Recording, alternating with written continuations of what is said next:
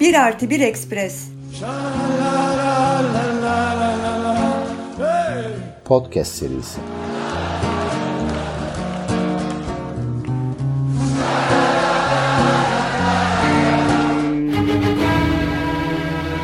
Hayat ve sanat. Bir Artı Bir Express Hayat Sanat bölümünde Gustav Flaubert'den Mektuplar Podcast serisinin 8. bölümünde ben Kerem Eksen. Ben Emre Ayvaz. Yine karşınızdayız. E, bugünkü artık e, son programımız olacak ve bu kapanış programında e, Gustav Flaubert'in e, mektuplaşmalarındaki en önemli muhataplarından e, biri, en önemli belki 2-3 muhatabından biri George Sand'dan e, bahsedeceğiz. Programın önceki e, bazı bölümlerinde zaten George Sand'ın adı geçti, ona referans verdik. Bugün daha uzun uzadıya ondan konuşma imkanımız olacak. Hatta e, bugüne e, özgü şöyle bir şey yapacağız. Hem George Sand'ın Flaubert'e yazdığı bir mektuptan hem de Flaubert'in George Sand'a yazdığı bir mektuptan bahsedeceğiz. Bu iki mektubu birden e, dinleyeceğiz. E, çünkü gerçekten e, ikisinin farklı yaklaşımlarına, yaklaşımlarına dair çok ilginç ipuçları buluyoruz e, bu mektuplarda. E, ilk önce dinleyeceğimiz mektup e, 1875'in sonlarında yazılmış e, George Sand tarafından Flaubert'e gönderilmiş bir mektup. Yaklaşık Flaubert ölmeden 6 yıl öncesindeyiz. Sand'ın ise birazdan göreceğiz aslında hayatının sonlarına yaklaşmış durumdayız.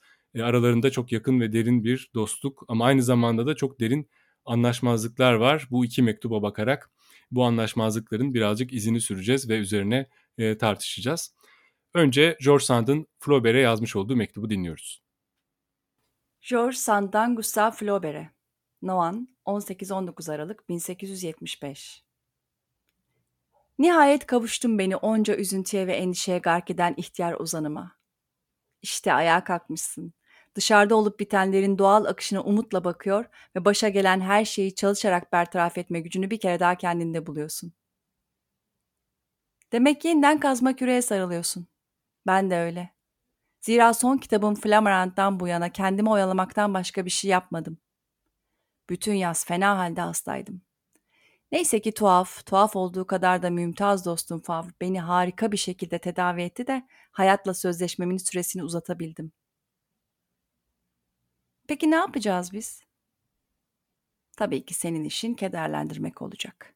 Benim işimse teselli etmek. Yazgılarımızın kaynağında ne var bilmiyorum. Sen insanların gelip geçişini seyrediyor, onları analiz ediyor ama edebiyatında onları yargılamaktan kaçınıyorsun. Onları resmetmekle yetiniyor, şahsi duygularını büyük bir itinayla ve sistemli bir şekilde saklıyorsun. Ne var ki duyguların yazdıklarında ayan beyan görünüyor ve bu da okurlarını daha da üzmene yol açıyor. Bense onların bedbahtlıklarını bir nebze olsun azaltmak istiyorum. Umutsuzluk karşısındaki kişisel zaferimin bizzat kendi irademin eseri olduğunu ve bunu ancak bir zamanlarki anlama biçimimin tamamen zıddını benimsemem sayesinde yapabildiğimi göz ardı edemiyorum. Senin edebiyatta şahsi tutumların devreye girmesine karşı olduğunu biliyorum. Haklı olduğundan emin misin? Sakın bu bir estetik ilkeden ziyade kesin kanaatlere sahip olmamanın sonucu olmasın. İnsanın ruhunda taşıdığı felsefesi her neyse er geç gün ışığına çıkar. Sana edebiyatla ilgili tavsiyelerde bulunmam söz konusu olamaz. Bana sözünü ettiğin yazar dostlarınla ilgili herhangi bir yargıda da bulunmayacağım. Haklarında düşündüklerimi Gonkurlara bizzat söyledim. Diğerlerine gelince onların benden teknik açıdan daha hünerli ve daha yetenekli olduklarına yürekten inanıyorum. Ama bence onlarda ve özellikle de sende geniş ve açık bir hayat görüşü eksik. Sanat resmetmekten ya da tasvirden ibaret değildir. Zaten gerçek resim de fırçayı hareket ettiren o ruhla doludur. Sanat eleştiri ve hicivden ibaret de değildir. Eleştiri ve hiciv hakikatin sadece tek bir veçesini resmeder. Ben insanı olduğu haliyle görmek istiyorum. İnsan iyi ya da kötü değildir. Hem iyi hem kötüdür. Fakat insan bundan başka bir şeydir aynı zamanda. Nüanstır. Ve nüans benim için sanatın amacıdır. İnsan hem iyi hem de kötü olduğundan içinde onu ya çok kötü ve az iyi ya da çok iyi ve az kötü olmaya iten bir güç taşır. Bana öyle geliyor ki senin ekolünden yazarlar şeylerin derinliğine inmeyi dert etmek yerine yüzeyde kalmaya eğilimli. Biçimin peşine düştüğü için içeriği boş veriyor. Okumuş kesime hitap ediyor. Oysa gerçek anlamda okumuş kesim diye bir şey yoktur. Her şeyden önce insanız biz. Ve bütün hikayelerin ve olup biten her şeyin temelinde insanı bulmak isteriz. Seni seven ihtiyar ozanın George Sand. Evet, George Sand'ın 1875'te Flaubert'e yazdığı bu mektupla başladık. E, Flaubert'in de aslında bu mektuba bir e, cevabı var. Hatta sonrasında da bu konu etrafında yazışmaları bir süre daha e, devam edecek. E, George Sand'ın hayatının sonuna kadar e, diyelim aradan geçen birkaç ay boyunca devam edecek. E, ama ondan önce George Sand'la ilgili e, birkaç bilgi vererek ve ilişkilerinin başlamasıyla ilgili birkaç bilgi vererek söze girmek iyi olabilir. E, George Sand'ın asıl adı aslında George Sand değil. George Sand bir erkek ismi. O dönem kendini erkeklerin egemen olduğu dünyada var etmek isteyen kadın yazarların başvurduğu e, bir yöntem bu. Kendine George adını vermiş, George Sand adını vermiş. Tıpkı e, bir başka e, önemli kadın yazar, e, İngiliz kadın yazar e, George Eliot'in yaptığı e, gibi. Asıl adı e, Amantine Lucie Aurore Dupin. Arkadaşları onu aslında Aurore adıyla e, tanıyorlar, ailesi e, daha çok. E, 1804 doğumlu dolayısıyla Flaubert'den e, 17 yaş kadar büyük e, bir insan. E, ondan bir kuşak önceki bir yazar kuşağından geliyor ve Flaubert gençken dolayısıyla e, George Sand'ı okumuş, çok iyi biliyor. Çok ünlü bir yazar.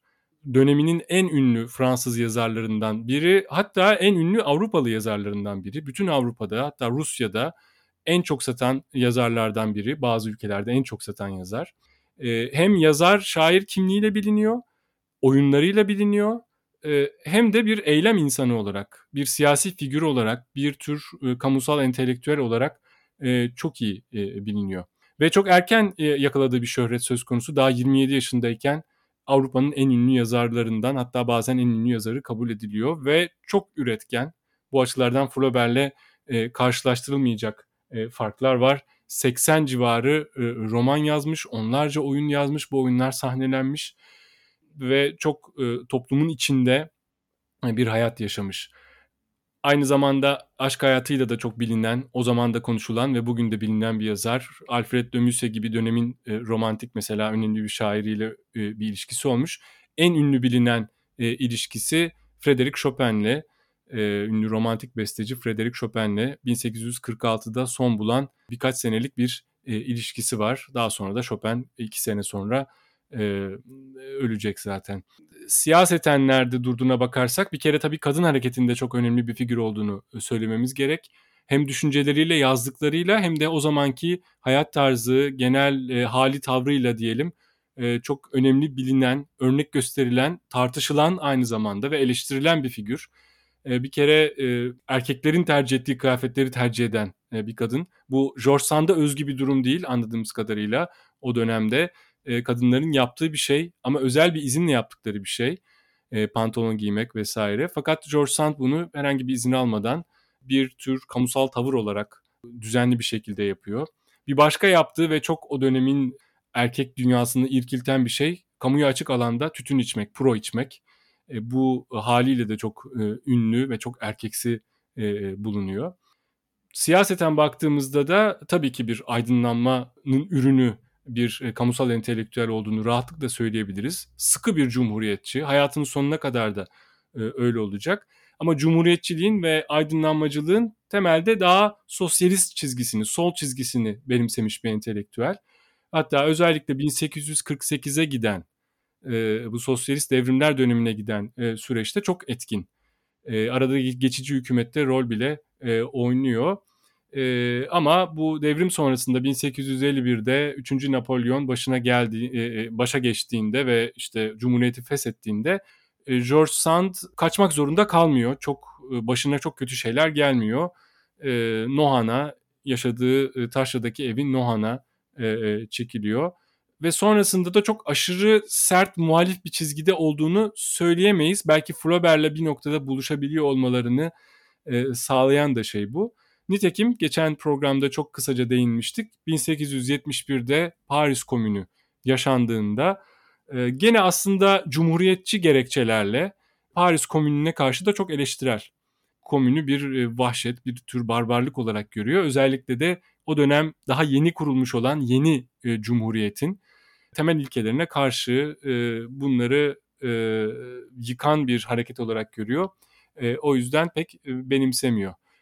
Bir küçük not daha çok övgü toplayan bir yazar Victor Hugo'nun mesela e, cenazesinde e, e, yaptığı konuşma, gönderdiği konuşma çok e, övgülerle dolu ama e, önemli bir istisna Baudelaire. Baudelaire hiç sevmiyor George Sand'ı ve işte çağımın bu e, yazarları bu kadında ne buluyor, nesini bu kadar seviyorlar anlamıyorum filan gibi yazıları var.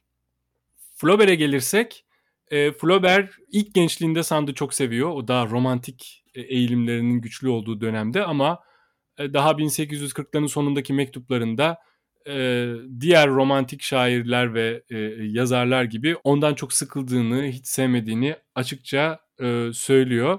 E, yine de çok iyi bildiği bir figür. Kitaplarını ona gönderiyor uzaktan. Dolayısıyla bir tür tanışma yaşanmış oluyor ama asıl tanışmaları geçen programda bahsettiğimiz 1860'lardaki Paris'teki Magny buluşmalarında, Magny lokantasındaki buluşmalar bağlamında oluyor.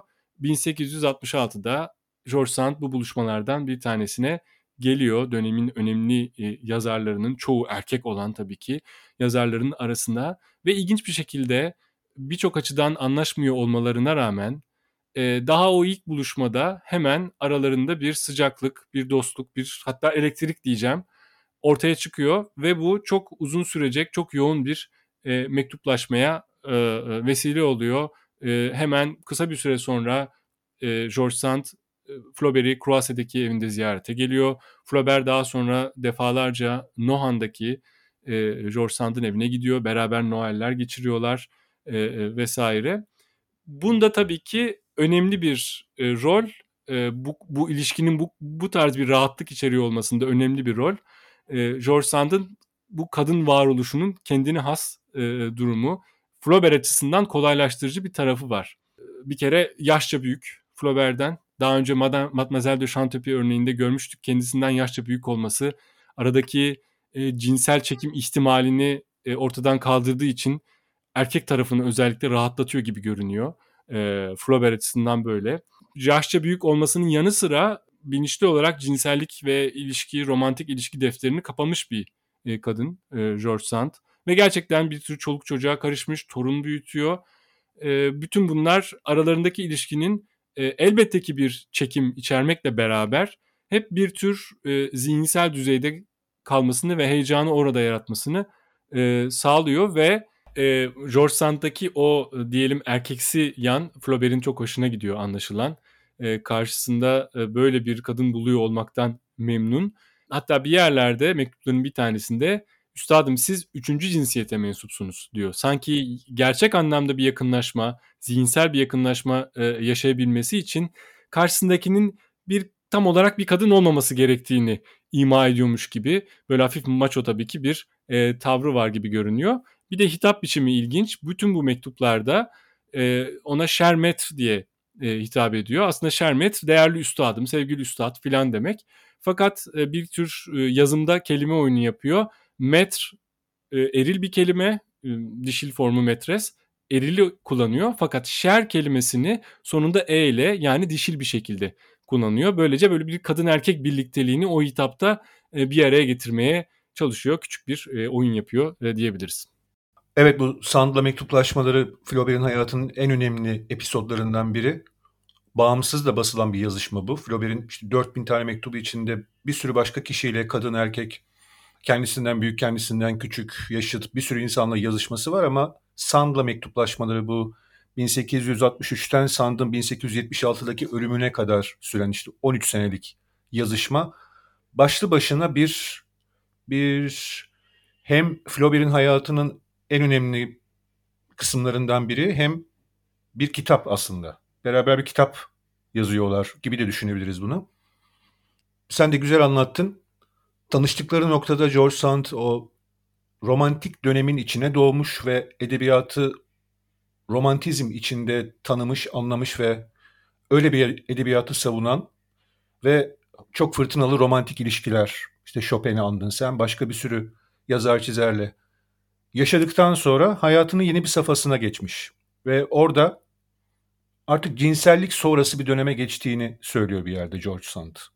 E, ve bunu da çok bir tür kayıp gençliğin artık geride kalmış olması, yaşlanma gibi değil.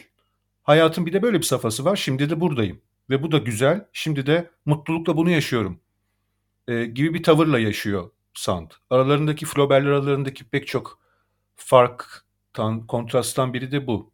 Flaubert erken yaşlanan, erken çöken birisi. O da çok artık ihtiyar bir adam oldum havasında hiçbir zaman değil ama depresyon, ümitsizlik, hayatının baskın temaları oluyor Flaubert'in. Ve burada Sand'ın hayatın her safhasını, her yaş dönemini başka şeyler toplayacağı, hayatı güzelleştirmek için iyimserlikle bu ürettiği bir şey olarak görmesiyle çelişiyor biraz. Ve Flaubert'e ümit veren şeylerden bir tanesi de bu.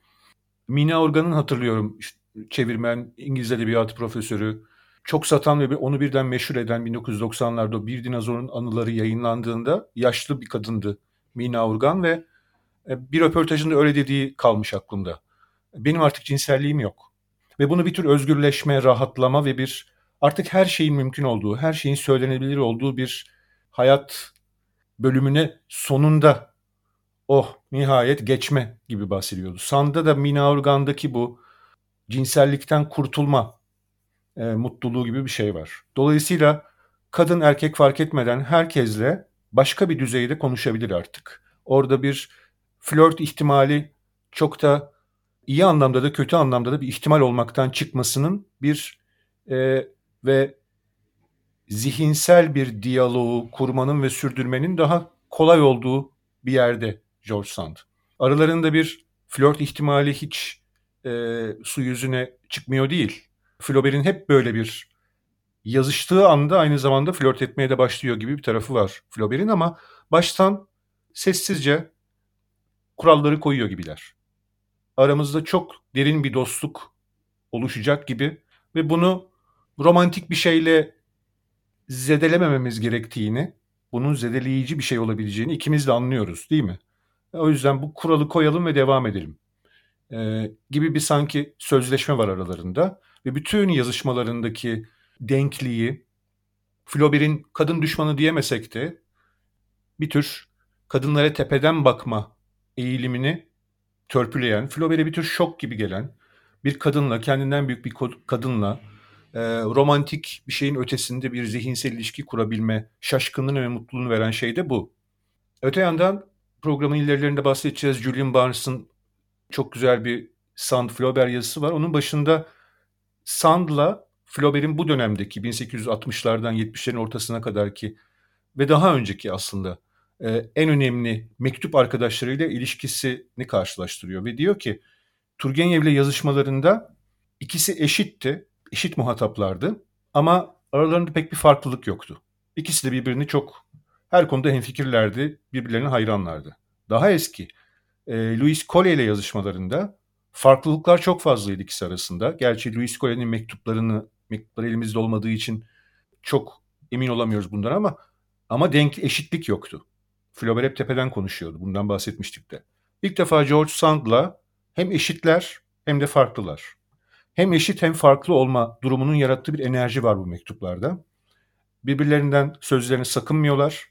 Tabii ki Flaubert, demin de bahsettim biraz, ilk gençlik döneminden sonra George Sand onun için kötü bir yazar. Umurunda bile değil. Arkadaşlarıyla mektuplaşmalarında elimizde hayatının tamamını kaplayan 4000 tane mektup olduğu için yan yana bundan 30 sene önce Maxim'le ya da Louis Bouillet ile yaptığı bir yazışmada George Sand'ın kitaplarıyla alay ettiğini de okuyabiliyoruz Flaubert'in. Sonra o alay ettiği romanların yazarıyla karşılaşıp büyük bir dostluk yaşamaya başlayınca bu aralarındaki büyük edebi beğeni farkıyla ne yapacağını, Sand'a karşı dürüst mü olması gerektiğini yoksa bu duygularını ya da bu yargılarını gizlemesi mi gerektiği konusunda Flaubert'in çok Flaubert'den beklenmeyecek türden çelişkiler yaşadığını görüyoruz. Bu konuda acımasız ve sözünü sakınmayan biri olan Flaubert, George Sand'ın romanlarının estetiğinin, edebiyatının ona göre olmadığını ve iyi edebiyat olmadığını düşünmeye devam etse de görüyoruz ki kendini açma ihtiyacı hissediyor. Ya şunun kitaplarını bir daha okuyayım. Böyle bir insanın yazdığı kitaplar belki o kadar da kötü değildir diye. Tamamen değişmiyor fikri. Ah ben ıskalamışım meğer George Sand çok büyük yazarmış demiyor hiçbir zaman. Ama sevilecek şeyler de bulmaya başlıyor. Başkalarına yazdığı mektuplardan bunu öğreniyoruz. Evet farklılıklar dedin. Aslında bu programda da esasen aralarındaki önemli farklılıklardan bahsedeceğiz. Zaten daha hemen e, demin okuduğumuz, e, dinlediğimiz mektupta da bu farklılıklara dair çok güzel, çok net tespitleri vardı George Sand'ın. Biraz bundan bahsedeceğiz ama önce bu mektubun hemen sonrasında Flaubert'in cevaben yazdığı e, satırları bir e, dinleyelim. E, daha sonra e, e ikisinin farklılıkları üzerine biraz konuşacağız. George Sand'a, Paris Aralık sonu 1875 Değerli Üstad, 18'inde gönderdiğiniz, adeta anne şefkatiyle kaleme alınmış o güzel mektup üzerine çok düşündüm. En az 10 kez okumuşumdur ve itiraf edeyim ki dediklerinizi anladığımdan hala emin değilim. Sonuç olarak ne yapmam gerektiğini düşünüyorsunuz? Sözlerinize açıklık getirir misiniz? Zihnimin hudutlarını genişletmek için sürekli olarak elimden geleni yapıyor ve yüreğimin bütün samimiyetiyle çalışıyorum. Gerisi benim elimde değil. Ben zevk olsun diye kederlendirmiyorum insanları. Lütfen inanın bana. Fakat gözlerimi de değiştiremem ki. Bendeki kesin kanaat eksikliğine gelince. Zihnimi dolduran bütün o kanaatler nefessiz bırakıyor beni. Dışa vurmadığım öfke ve kızgınlıklardan patlayacak gibi oluyorum. Fakat benim sanat idealime göre insanın bunların hiçbirini göstermemesi gerekir ve Tanrı doğada ne kadar görünüyorsa sanatçı da eserinde o kadar görünmelidir. İnsan hiçbir şeydir. Eser ise her şey. Pekala yanlış bir bakış açısının sonucu olabilecek bu disiplin anlayışının gereğini yapmak kolay değil. En azından benim için bir anlamda durmadan estetik beğeni uğruna fedakarlıklar yapmak demek bu.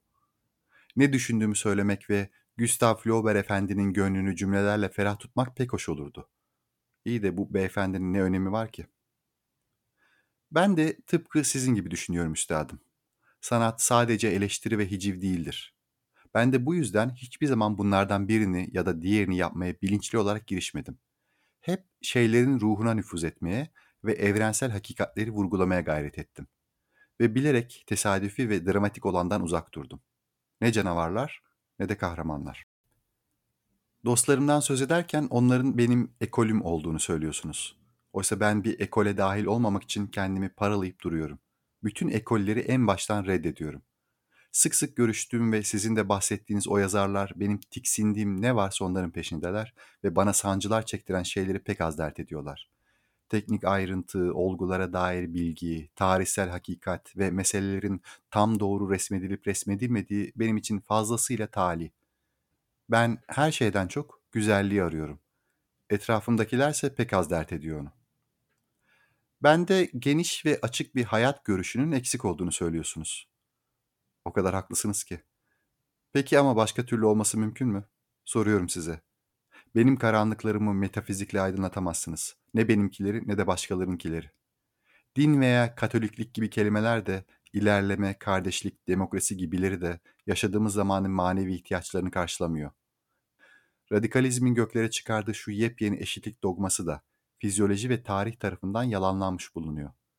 Ben bugün yeni bir ilkenin ortaya konmasını mümkün görmüyorum. Tıpkı eski ilkelere saygı duymayı mümkün görmediğim gibi. Bu nedenle de diğer her şeye kaynaklık edecek o düşünceyi arıyor. Bulamasam da arayışımı sürdürüyorum.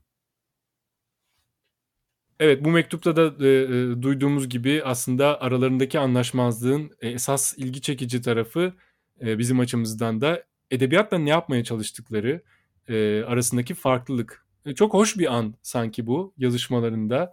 E, yani iki yazar hayatının sonuna doğru yaklaşmış. Aslında Flaubert henüz yaklaştığını düşünmüyor ama ne yazık ki 12'de bir 5 yıl sonra e, sona erecek. George Sand ise e, artık en onu yaşlı diyebileceğimiz e, bir yazar ve bu artık son dönemece geldiklerinde George Sand'ın bu mektupta ilk dinlediğimiz mektupta duyduğumuz böyle bir çok kıvrak hareketiyle peki şimdi biz ne yapacağız demesiyle aslında çok güzel bir tartışma hattı oluşuyor aralarında. Aslında bu bugüne kadar ne yaptık? Bir edebiyattan ne bekledik? Ne yapmaya çalıştık? E, buna dair bir e, aslında soru ve buna dair bir saptama ve bunun üzerine e, konuşmaya başlayacaklar. E, bu farklılığa e, e, doğrudan e, eğilmeden önce aslında birazcık siyasi farklılıklarına dair birkaç şey e, söylemek istiyorum. E, Flaubert'in e, siyasi tutumuna dair bazı şeyleri biraz daha netleştirme gibi bir e, aslında ihtiyacım da var. E, daha önce geçen programda biraz bahsettik. İşte Flaubert'in komüne karşı oluşu, genel olarak bir bir tür elit tavrını benimsiyor oluşu. Bütün bunlardan hareketle Flaubert'e yakıştırılan siyasi skalada diyelim, e, Flaubert'e yakıştırılan ve büyük oranda da haklı olarak yakıştırılan konum bir tür muhafazakarlık e, oluyor. Daha çok sağda konumlanmış bir yazar e, gibi görülüyor. Özellikle tabii e, dönemin çok e, o canlı sosyalist akımlarına karşı e, sözleri nedeniyle bundan da ötesi demokrasi ve kitlelerin bilgeliği fikrine karşı gelişi nedeniyle hatta o dönemki evrensel oy hakkı tartışmalarında çok net olumsuz bir görüşünün olması, bunu mektuplarında dile getiriyor olması nedeniyle. Bununla birlikte bazı nüanslara da dikkat etmek gerektiğini düşünüyorum. Çok standart bir muhafazakar, o dönemin Fransız muhafazakarı resmi de e, karşımıza çıkmıyor. Bunun birkaç sebebi var. Birincisi bir kere çok e, azılı bir katoliklik düşmanı.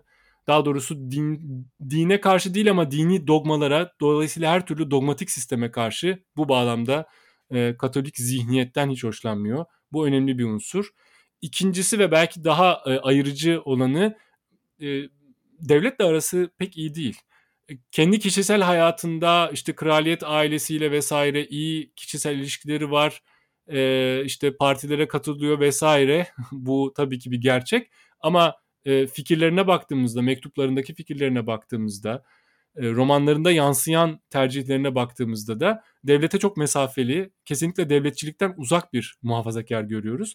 E, bu anlamda farklı türden bir muhafazakarlık bu. Örneğin devletin kurumlarıyla çok dalga geçiyor. Fransa'nın o yüzlerce yıllık e, önemli e, e, muteber kurumlarıyla çok dalga geçiyor. Örneğin Akademi Fransız'le alay ediyor. Kendisinin Akademi Fransız'e aday olması ki dostları bir noktada bunu öneriyorlar kendisine. Bu fikir ona her zaman gülünç geliyor e, vesaire.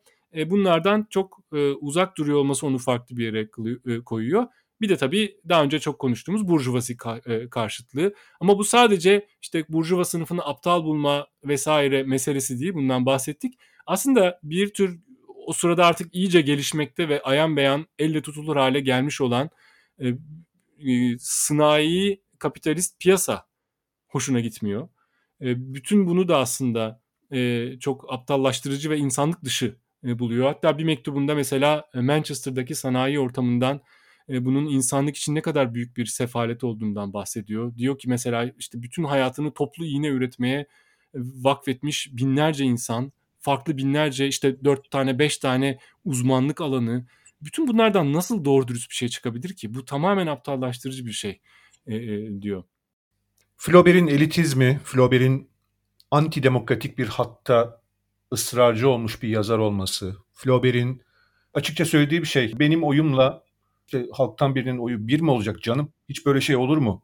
diye açık açık yazan bir yazar olduğu açık ve bu elitizm dediğimiz şeyi edebiyatıyla onun yaptığı türden edebiyatta ilişkilendirmek de çok kolaycı. Tamamen yanlış olmasa da kolaycı bir sürü nüansı gözden kaçıran bir şey. Sonuçta karmaşık tepkiler veriyor Flaubert aslında. George Sand'la yazışmaları da bu verdiği tepkilerin arka planında nasıl düşünce ve duygular olduğunu, e, Fransa ve insanlık kendince Kruase'den görebildiği ve Doğu seyahatinde ucundan görebildiği kadar insanlıkla ilgili fikrine dayandığını, hiçbir zaman tamamen e, işte elitler yönetsin, işte halk bir şeyden anlamaz, herkes aptal, kadar kaba saba argümanlar olmadığını bunların, sofistike şeyler olduğunu görüyoruz. Ama nihayetinde şunu da biliyoruz.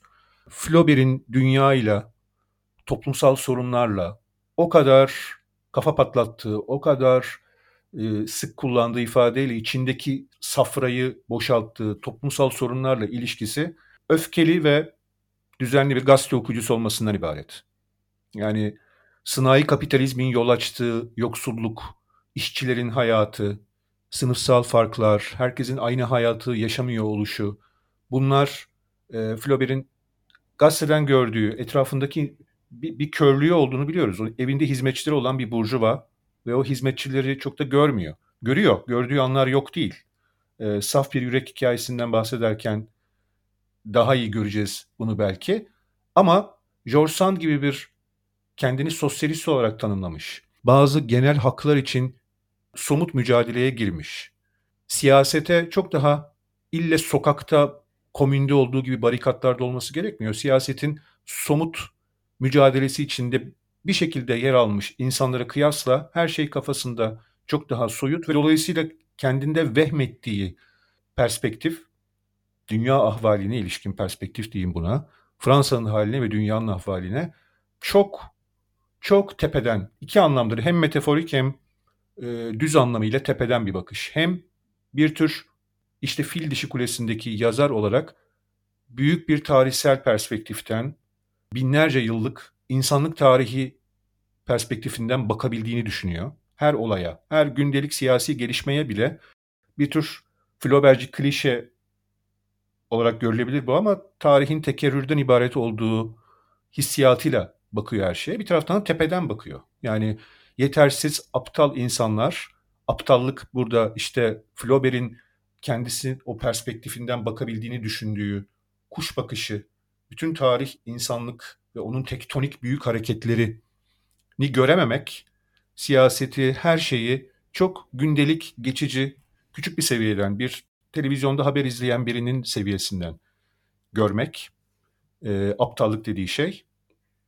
Ama bir taraftan da küçümseyicilik anlamında bir tepeden bakma var. İkisi beraber yürüyor Flaubert'de. Burada e, bütün bu yazışmalar boyunca e, duygusal eğitimde geliştirdiği bir tür siyasetle, devrimle, toplumların içinden geçtiği zor zamanlarla ilgili içgörüleri güçlü olabilir. Ama bütün bu süreç boyunca Sand'ın her zaman, her noktada estetik ayrı bir tartışma olmak üzere Flaubert'den daha e, somut hayatla temas halinde ve somut verilerden hareket eden ve tanıdığı ve daha şefkat ve anlayışla yaklaştığı insanlardan hareketle sonuçlara vardığını ve eleştiriler yaptığını, Flaubert'in ise daha işte münzevi yazarın bu demin bahsettiğim tepeden bakışıyla bunu yaptığını görmemek mümkün değil. E, burada sanıyorum asıl bizim açımızdan ilginç olan bunların nasıl iki farklı yazar yaklaşımı, nasıl iki farklı edebiyat yaklaşımı ortaya çıkardığını e, görmek olacak. Ona hazırlık olarak aslında not aldığım bir iki alıntı var. Flaubert'in kendi dünya görüşünü diyelim kabaca, içinde siyaseti de katacak şekilde anlattığı bazı e, pasajlar var.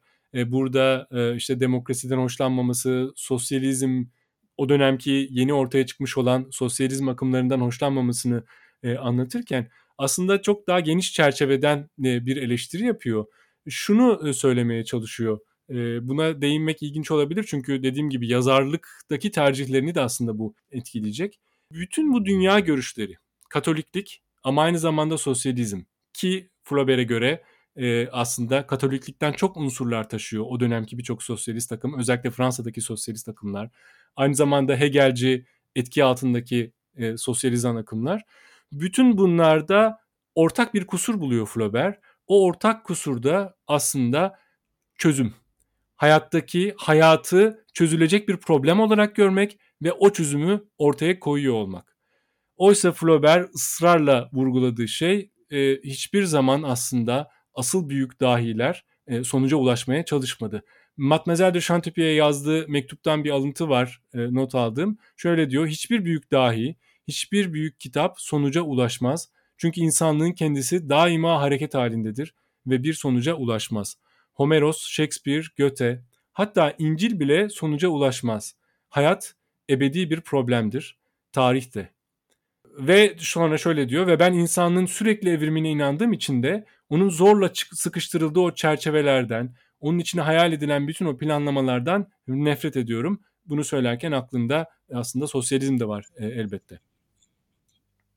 Sonuçtan kastı elbette yani tarih sonucu olan bir şey. Hayat belli bir e, güzergahı, yapısı ve sonucu olan bir şey değildir diyor. Ama bir taraftan bu şu sonucu da üretiyor.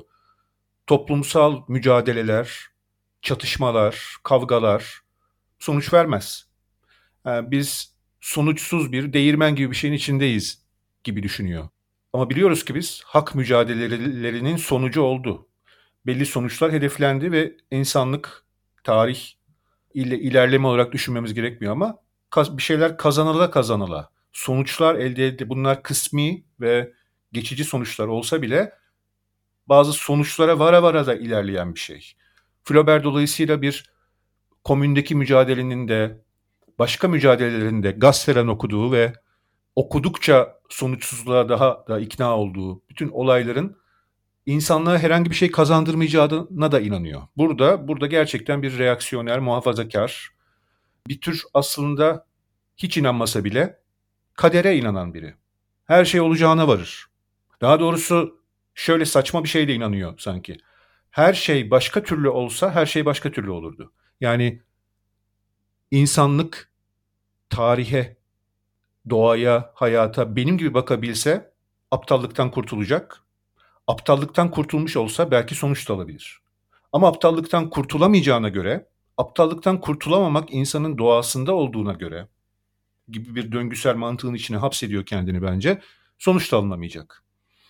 Dolayısıyla bu sonuçsuzluk, aptallık ve tarihin kendini tekrar etmesi döngüsü içinde Flaubert'e baktığımız zaman bütün yazdıklarını, bütün mektuplarını da okusak buradan herhangi bir e, çok sevmediğim bir ifade ama siyaset çıkmıyor. Yani hayat hakkında aslında Flaubert insanlar her şeyden önce iyi okumayı öğrenmeli. İyi okuma eşittir bilimle temas. Hayatı bilim gözünden görme. Bilim de ille bizim bugün anladığımız ve bilimcilik falan diye eleştirdiğimiz pozitif bilimler anlamına gelmiyor bir tür işte sosyoloji diyebileceğimiz şeyin erken formları. Toplum hakkında somut verilerden hareket ederek kararlar vermeyi, yapıp eylemeyi öğrenmedikçe hiçbir şey olmayacak diyor ve aslında pek bir şey söylemiş olmuyor. E bunun sonucunda da aslında kendi yazışmalarında tek sanki somutmuş gibi ortaya koyduğu siyasi çözüm e, bir tür elitler iktidarı. E, buna dair de inancını bir yerden sonra kaybediyor. Evet e, bir yerden sonra aslında tek çözümün cumhuriyet olduğuna razı geliyor 1871'den sonra. Ama sonuç olarak evet bir tür aydınlanma ve özellikle belli bir şey kesimin önde gelenlerin diyelim iyi eğitim aldığı, aydınlandığı bir ülke tahayyülü var ama buna dair tabii ki çok somut ne bir siyasi program var ne gerçeklikte buna denk gelen herhangi bir şey var. Bu bir tür temenni olarak e, kalıyor diyebiliriz.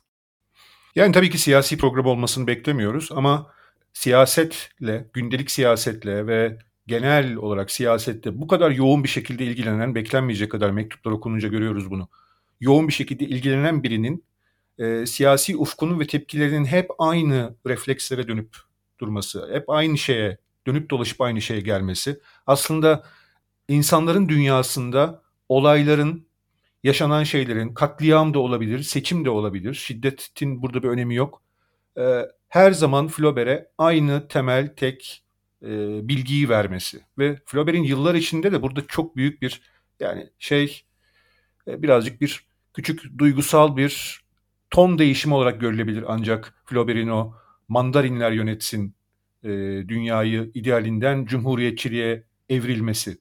E, bunu çok Sand sayesinde, Sand'la diyaloğu sayesinde o e, bir siyasi görüş değişikliği yaşaması, bir tür evrim geçirmesi olarak bazı yorumcular görüyorlar bunu ama ben pek öyle görmüyorum. Yani son 20 yaşında da aynı, öldüğü 58 yaşında da Flaubert aynı bu konuda. E, dönüp dolaşıp durduğu yer e, aptallık ve onun yarattığı döngüsel bir bu insanlıktan hiçbir şey olmaz duygusu. Evet, bu açıdan bakıldığında da belki daha ilginç olacak olan şey bütün bunların nasıl yazarlık tercihlerine yol açtığı. E, iki edebiyatçı olarak e, siyasete başka açılardan bakan, hayatlarında siyasete başka konumlar veren insanların edebiyatlarında e, nasıl konumlar aldıklarına bakmak bu mektupların şimdi o boyutunu aslında biraz daha bakmamız e, daha e, ilginç olacak diye e, tahmin ediyorum. E, burada dinlediğimiz mektuplarda bir kere George Sand'ın tabii ki Flaubert'e eleştirisini görüyoruz. Başka bu serideki başka yazışmalara baktığımızda da biraz daha açılıyor. Özellikle bu, bu iki mektuptan sonra gelen çok uzun bir mektubu var George Sand'ın. Belli ki bu konuya çok özen göstermiş, bu konuyu çok kafasına takmış, arkadaşına çok e, bu anlamda büyük bir dikkati var ve Flaubert de bundan çok etkileniyor bu kadar uzun bir mektuplar yazdığı için kendisine. E, oralardan da gördüğümüz kadarıyla gerçekten Sand'ın derdi Flaubert'in olduğu kişiyle hatta siyasi görüşleriyle bile değil tam olarak edebiyatıyla ilgili. Edebiyatındaki tercihleriyle ilgili. Şunun da unutmamak lazım. Bu mektuplar, bu yazışmalar yaşandığı sırada e, geçen e, hafta lafı geçmişti. Duygusal eğitim romanı birkaç sene önce yayınlanmış durumda ve Flaubert'i hayal kırıklığına uğratacak yorumlar almış durumda. Kitlede karşılık bulmamış durumda. Flaubert bunun verdiği bir karamsarlığı da içinde yıllardır taşıyor. George Sand da aslında arkadaşına bu nedenle de birazcık yardımını uzatmaya çalışıyor. Şunu demeye çalışıyor. Bak duygusal eğitim aslında iyi bir roman, iyi olduğunu biliyorum ama sen bazı hatalar yaptın orada ve kitle bu nedenle, bu nedenlerle seni yanlış anladı. Bu nedenlerle sana soğuk davranıyor.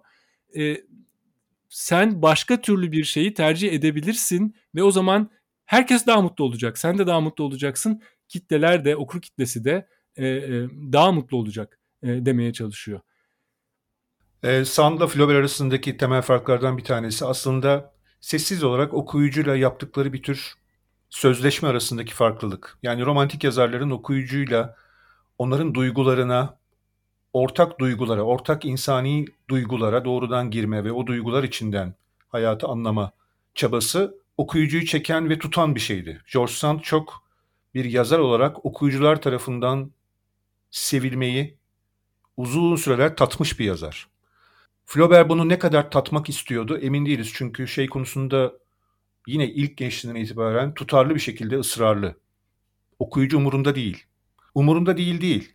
Kitapları okunduğu, kitapları sevildiği, kitapları sattığı zaman o da mutlu. Çünkü birileri tarafından yapmaya çalıştığı şeyin görüldüğünü ve anlaşıldığını hissetmenin mutluluğunu yaşıyor. Ama şu onun tüylerini diken diken eden bir şey ve poz da değil bu. Bu kadar fazla mektubunda bu kadar tutarlı bir şekilde sürdürdüğüne göre poz değildir diye düşünüyorum ve niye poz olsun bir taraftan da.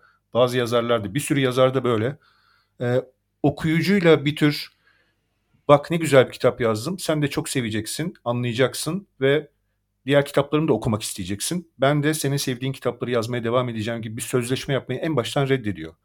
Yapmanın içinden geldiği, e, aklına yatan ve doğru bulduğu ve ona heyecan veren şey hiçbir zaman bu değil.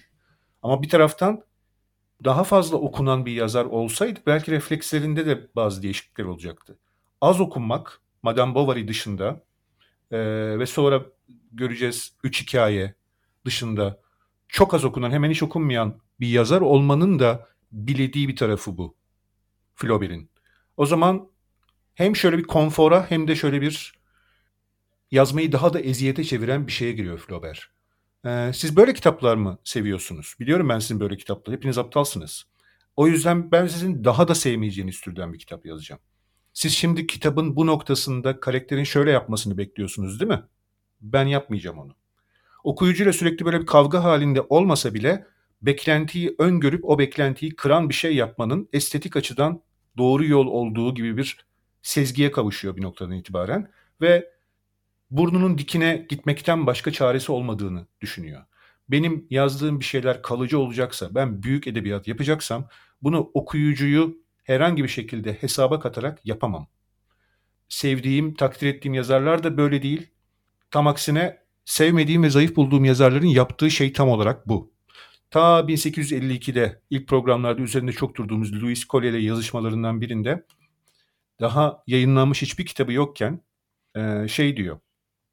Ne yazık ki çok büyük bir mezara ihtiyacım olacak. Çünkü atıyla beraber gömülen bir barbar gibi ben de el yazmalarımla beraber gömülmek istiyorum. Nihayetinde o uzun ovadan geçerken beni ayakta tutan tek şey o zavallı sayfalarım oldu.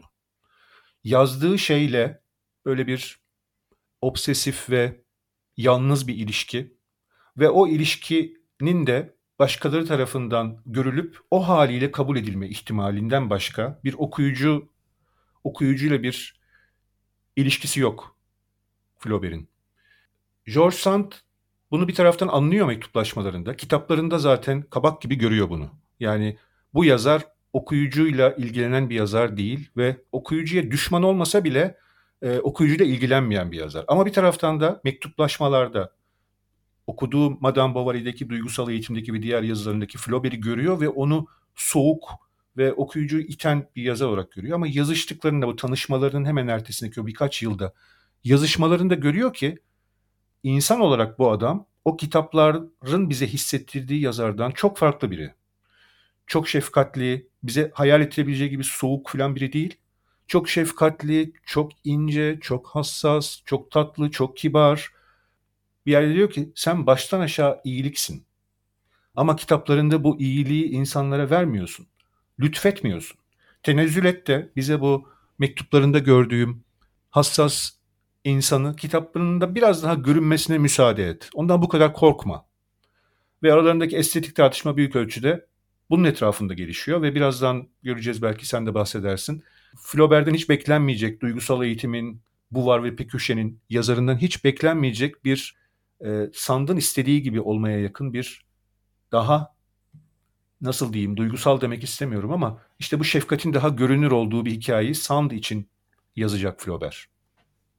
Zaten aralarındaki aslında en büyük anlaşmazlık da bir anlamda bununla ilgili olacak. Yani George Sand ısrarla Flaubert'e kendini metnin içine daha çok koyarsan, kendini metinde, kendi tercihlerini, düşüncelerini metinde daha iyi belli edersen. O zaman okurla da daha sağlıklı bir ilişki kuracaksın. O zaman okuru sadece böyle işte kederlerle yıpratıp yıkıp bir kenara koymayacaksın. Onlara belli bir teselli de belki e, vermiş olacaksın e, diyor. Yine o mektuplarından birinde işte neden yazdıklarından ruhunu böyle çekip alıyorsun? Bu nasıl bir e, hastalıklı hal e, diyor. Veya işte neden hatta daha da ileri gidip neden karakterlerine dair kanaatini de esere koymuyorsun? Böylece okurun da nasıl bir kanaate sahip olması gerektiğini ona az çok bildirmiş olursun ve okur da yolunu daha e, kolay görür diyor. Hatta daha somut önerileri de var sonraki mektupta. E, duygusal eğitim romanı yanlış anlaşıldı. Ben sana hep diyorum şuna kısa bir ön söz yazsan. O döneme dair, Frederick Mora'ya işte kahramanlara dair kendi bakış açını kısaca özetlesen. Ya da metin içinde bütün bu olanları tasvip, tasvip etmediğine dair bir ifade koysan. Fena mı olur? Ee, o zaman insanlar senin o anlattığın topluma ve insanlara işte eleştirel yaklaştığını, burada bir tür mesajın olduğunu e, e, daha iyi anlarlar. Mesela Madame Bovary'de diyor bu kadar sorun olmadı bu. Çünkü onda daha iyi hissediliyor. Madame Bovary'e yönelik vermek istediğin ders. Burada derse benzer, mesaja benzer e, terimler kullanıyor e, George Sand. Tabii buna e, Flaubert'in verdiği cevap e, tam olarak şu. Hayır, hayır, bin kere hayır buna benim hakkım yok e, diyor. Ve sonra da şuna benzer şeyler söylüyor. Eğer bir ahlaki ders çıkacaksa kitaptan bu dolaylı olarak çıkacak ve okur bu dersi kendisi bulacak. Kendisi bulup çıkaracak. Eğer bulup çıkaramıyorsa da okurda bir eksiklik vardır demektir. Okurun kafası çalışmıyor demektir. Gerisi beni çok fazla ilgilendirmez diyor. Yani Sand'ın kafasındaki e, edebi e, yaklaşım şöyle bir şey. Bu mektupta da e, zaten buluyoruz önce yazarın kafasında bir üzerinde çok iyi çalışılmış bir dünya görüşü olacak. Bu dünya görüşünün içerisinde çok net bazı değerler, normatif tercihler, doğruya yanlışa, güzele çirkine dair bir takım net kanaatler olacak. Ve bu kanaatler eserde vücut bulacak. Okur e, fazla bulanıklığa, fazla yanılmaya imkan vermeyecek şekilde bunları algılayabilecek ve okurda ona göre düşünebilecek. Bu farklılık ve bu sandın bazen nasihat, bazen şikayet, hiçbir zaman azarlama değil ama genellikle bir şöyle de mi yapsan? Tamam öyle diyorsun da tonunda söylediği bütün bu kitabına kendini biraz daha kat, rengini biraz daha belli et, okuyucuya şefkatli bir insan olduğunu kitabınla da hissettirebilen yazarlardan ol. Bu seni de mutlu edecek. E, nasihatları bundan 30 sene önce duysaydı Flaubert'i daha da çileden çıkaracak olan nasihatler. Louis Collet'den benzer şeyler duymuştu aslında. Herkesin, başta annesinin e, cümlelere olan bu takıntın kalbini kuruttu demiş annesi mesela ve Flaubert bunu memnuniyetle duymuş. Yani bir tür annesinden duyduğu ezici bir eleştiri gibi ya da bir, bir yargı gibi değil. Heh, ben de zaten bunu istiyorum.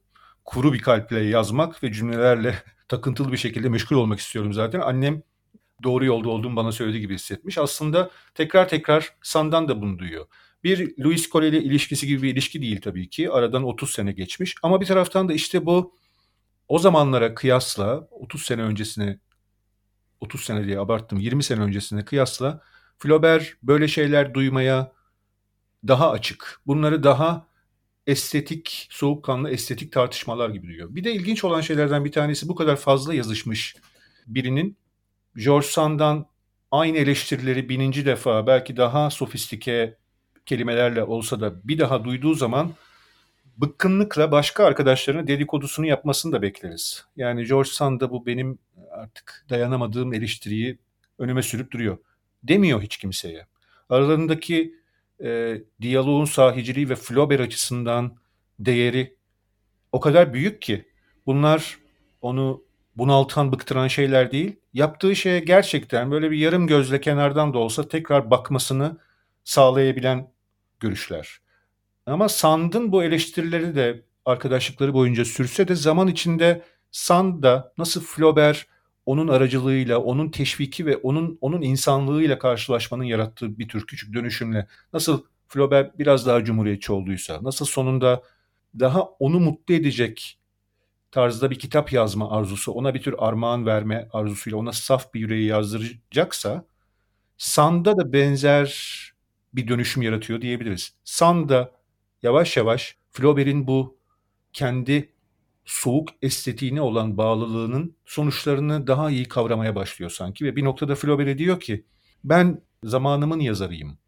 Ben kendi zamanımdan hikayeler buluyorum ve kendi zamanımın okuyucuları için yazıyorum. 50 sene sonra beni kimse okumayacak. Ama sen kalıcı büyük bir yazar olacaksın bunu görüyorum diyor. Ama yine de orada biraz annece biraz dostça. Anneceden çok dostça. Annelik muhabbet aralarında geçse de arada e, diyor ki diyor gibi ki daha doğrusu e, eğer bir de bu iyi insan Gustav'ı kitaplarına biraz daha katmaya gönül indirirsen daha da sevecekler seni. O kitaplar daha da kalıcı olacak demek istiyor sanki. Evet ar- aralarındaki asıl ayrım belki de mektuplarda en güzel şekilde dile getirildiği e, kısım George Sand'ın mektubundaki e, aslında sonra çok ünlü olacak Julian Barnes'ın üzerine yazı yazdığı o ayrım. E, şöyle bir şey diyor burada Fransızca'daki kelimeleri kullanarak söyleyeceğim. E, işte bundan sonra ne yapacağız? Bundan sonra sen e, dezolasyona yol açacaksın. Ben konsolasyona yol açacağım. Burada çok güzel bir kelime oyunu var. Birbirine çok yakın iki kelimeyi Fransızca'daki kullanıyor. İngilizce'deki desolation ve consolation kelimeleri e, e, İngilizce'de de bu şekilde e, karşılanmış. E, desolation veya dezolasyon aslında e, kederlendirmek. Ama bundan da ötesi belki kederlendirerek insanları yormak, yıkıma uğratmak, harap etmek e, bir anlamda. Consolation veya konsolasyon ise insanları teselli etmek. İki farklı edebiyat tahayyülü aslında sanki bu iki kelimede gelip kristalize oluyor diyebiliriz. George Sand istiyor ki edebiyat son kertede felaketlerden, kötülüklerden bahsediyor bile olsa bir teselli ışığı, bir umut ışığı mutlaka içinde barındırsın. Bunu bir olumlu karakterle yapıyor olabilir.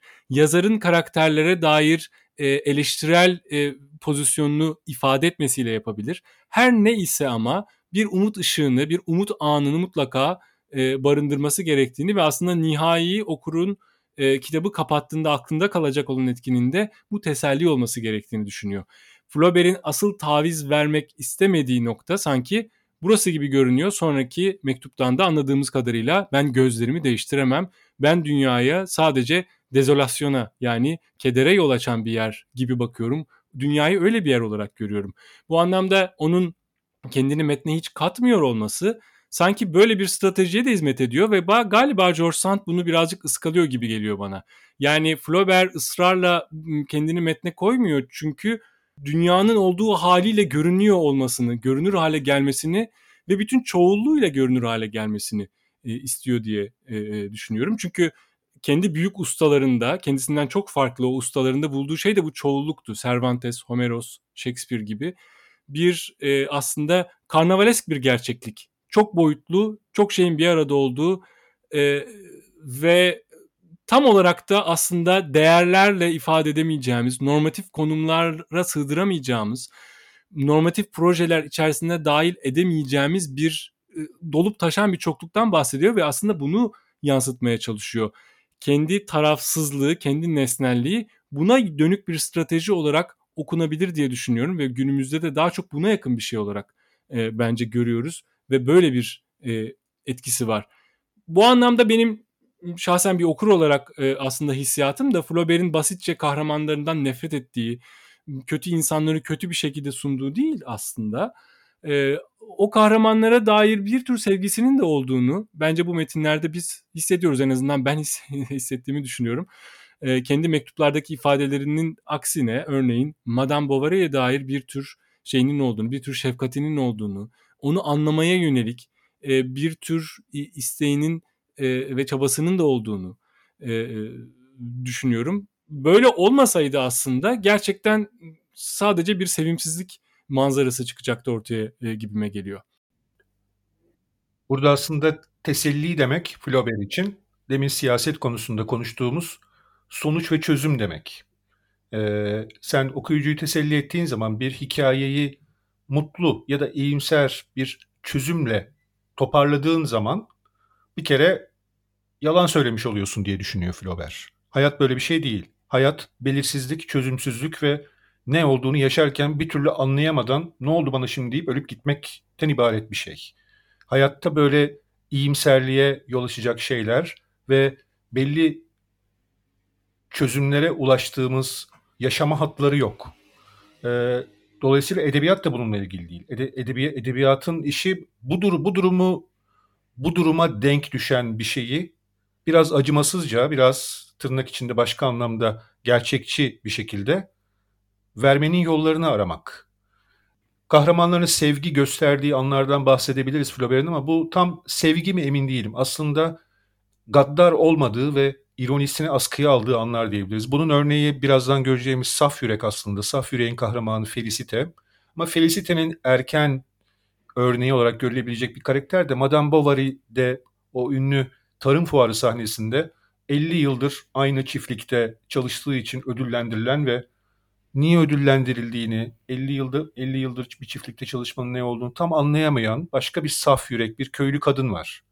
Aslında Felicite'nin ilk versiyonu gibi görülebilir. Orada Flaubert'in diğer bütün kahramanlarından başka bir perspektifle onu bize gösterip geçtiğini fark ediyoruz. Madame Bovary de aslında hep diğer kitaplarında da kahramanlarına karşı yazıyor Flaubert. Gerçek hayatta tahammül edemediği türden insanların durumunu, onlara olan tahammülsüzlüğünü kontrol altında tutmaya çalışarak yazıyor ama biz adına şefkatsizlik de diyebileceğimiz şey bir tür duygusal olarak o kahramanla herhangi bir ilişkiye geçmemek. Daha çok bir tür donukluk ve soğukluk.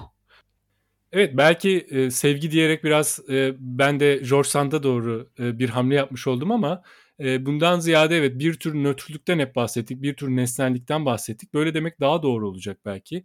Metinlerinde doğrudan bir öfke yansıtmıyor sonuçta bu kahramanlarına dair. Ama biz biliyoruz e, tepki duyduğu, sevmediği karakterler bunlar. E, ama bu nesnellikte belki bir tür dünyaya açılma ve bunun bir sonucu olarak aslında bir tür o kişilere yönelik empati var e, diye düşünüyorum ben. Sonuçta bilimin yöntemlerini edebiyata uygulamak, edebiyatta bilimsel zihnin bir yansımasını bulmak Flaubert'in ideallerinden biri. Evet ama şunu da unutmayalım. Bilime duyduğu ilgi dünyanın bütününe duyduğu bir heyecan aynı zamanda. Dolayısıyla kayıtsız bir ilgi değil. Bir tür dünyayı olumlama ve kucaklama e, hamlesi de içeriyor e, diye düşünüyorum. Bu açıdan bakıldığında evet basit bir sevgiden bahsedemeyiz karakterlerini, onların durumlarına dair. Ama bir tür onların e, var oldukları haliyle olumlanması, var oldukları haliyle varlığın bir parçası olarak kabul edilmesi ve sayfaya dökülmesi olduğunu sanki söyleyebiliriz. En azından ben e, Flaubert'den etkilenmemizin sebebinin, onun önemli ve büyük bir yazar olmasının sebebinin esasen bu kucaklayıcı bakışla e, alakalı olduğunu düşünüyorum. Tek başına küçümseyen, tek başına eleştiren bir göz bize bu gerçekliği bu şekilde anlatamazdı. Bu gerçekliği ancak kucaklayan, kendini de içine katarak onu kucaklayan, aptallıklarıyla beraber belki kucaklayan bir gerçeklik, e, bir tavır ancak bize e, böyle bir deneyim yaşatabilirdi diye e, düşünüyorum. Dediğin gibi e, buradan artık saf bir yüreğe bağlanabiliriz sanıyorum.